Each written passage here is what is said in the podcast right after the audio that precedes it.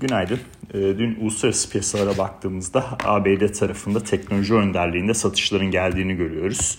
Şimdi piyasada e, bu satışların nedenlerini incelediğimizde birkaç tane şey öne çıkıyor.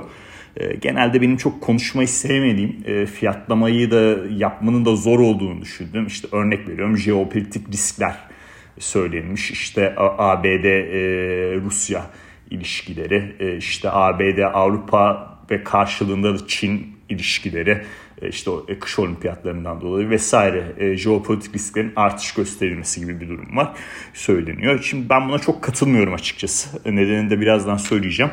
E, diğer bir nokta e, işte e, omikron tarafında Avrupa'nındaki kısıtlamaların artması. E, şimdi bu açıkçası bu da çok gerçekçi değil. Madem öyle bir şey var e, niye e, DAX'a göre Nasdaq daha fazla düştü sorusuna cevap veremiyoruz. Ee, bir diğer nokta işte Çin tarafında Evergrande e, tarafında işte e, bu konut e, sektörüyle ilgili olan inşaat firmalarının kredi notunun düşürülmesi. Bu zaten biliniyordu piyasada. Yani şimdi herkes açıkçası Evergrande'deki problemleri ve benzeri şirketlerdeki problemlerin farkında. Zaten bunun da bunun farkındalığının için yönetiminde söz konusu.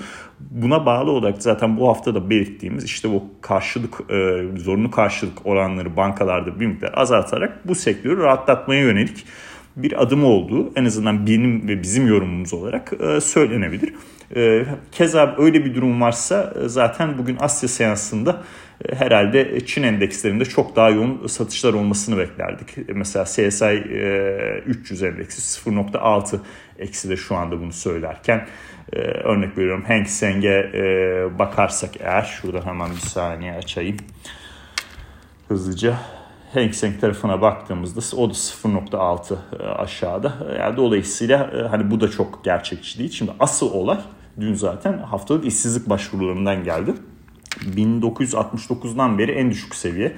Bu şöyle oluyor. Haftalık işsizlik başvuruları ne kadar düşükse ABD istihdam piyasası o kadar kuvvetli e, manasında yorumlanıyor. E, bununla beraber olarak bu veriden sonra zaten e, Fed'in faiz artışı olasılıklarında da da işte 2023'ün Şubat ayında ilk defa ben 3 rakamını gördüm. Yani o noktada artık 2023'ün başlangıcında 3 faiz artışında da piyasa tamam şeklinde fiyatlıyor bu aşamada olasılıklara baktığımızda vadeli piyasalarda. Şimdi buna bağlı olarak likidite bazlı hisselerde ve e, varlıklarda ciddi satışlar oldu. E, bunlardan biri GameStop e, bahsetmiştik biliyorsunuz.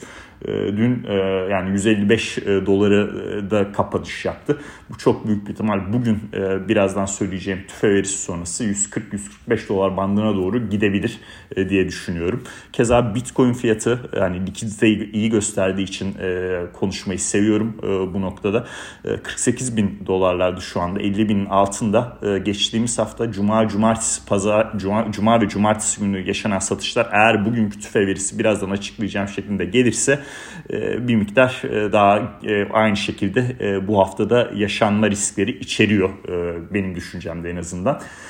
Bu, bu kompozitte de zaten ABD endekslerinde işte Nasdaq %1.7 düşüş yaşarken S&P 500 sadece 0.7 düşmüş. Dow Jones yatay kapatmış günün sonunda. Ee, yani özünde faiz artışı risklerini içeren e, ve Fed'in daha sıkı para politikasını içeren bir e, çoklu varlık fiyatlaması yapılıyor. Diğer noktalar e, tabii ki gün içi volatilite yaratabilir ama ana tema hala bu. O şekilde yorumlayayım size.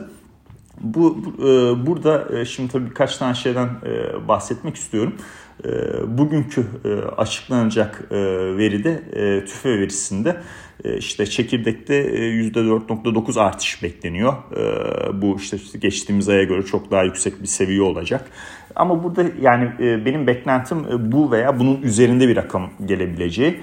Aşağı yönlü sürprizi daha gerçekçi bulmuyorum bu aşamada. Ama tabii ki her şey mümkündür, olabilir.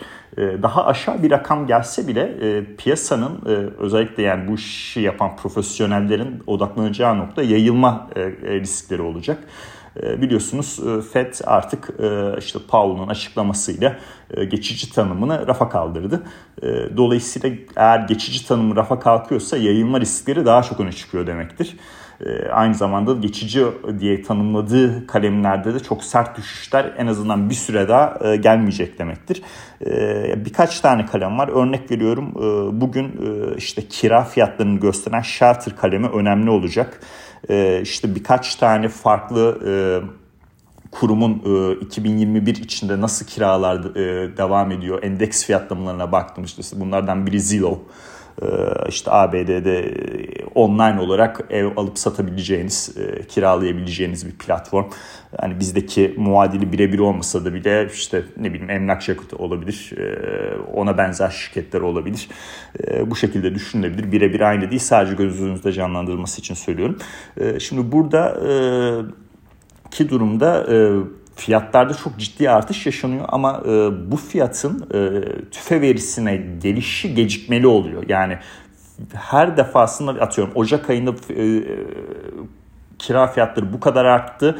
O platform üzerinden e, işte kira ver, kiraya verenler ve alanlar daha yüksek fiyata okey ama e, bunun e, official ya resmi CPI'ye gelimi daha geç oluyor. Çünkü e, o o dönemde yeni kira yapmayan ve kirasını ödemeye devam eden, eski kirasını devam eden, sözleşmesi devam eden isimler de var.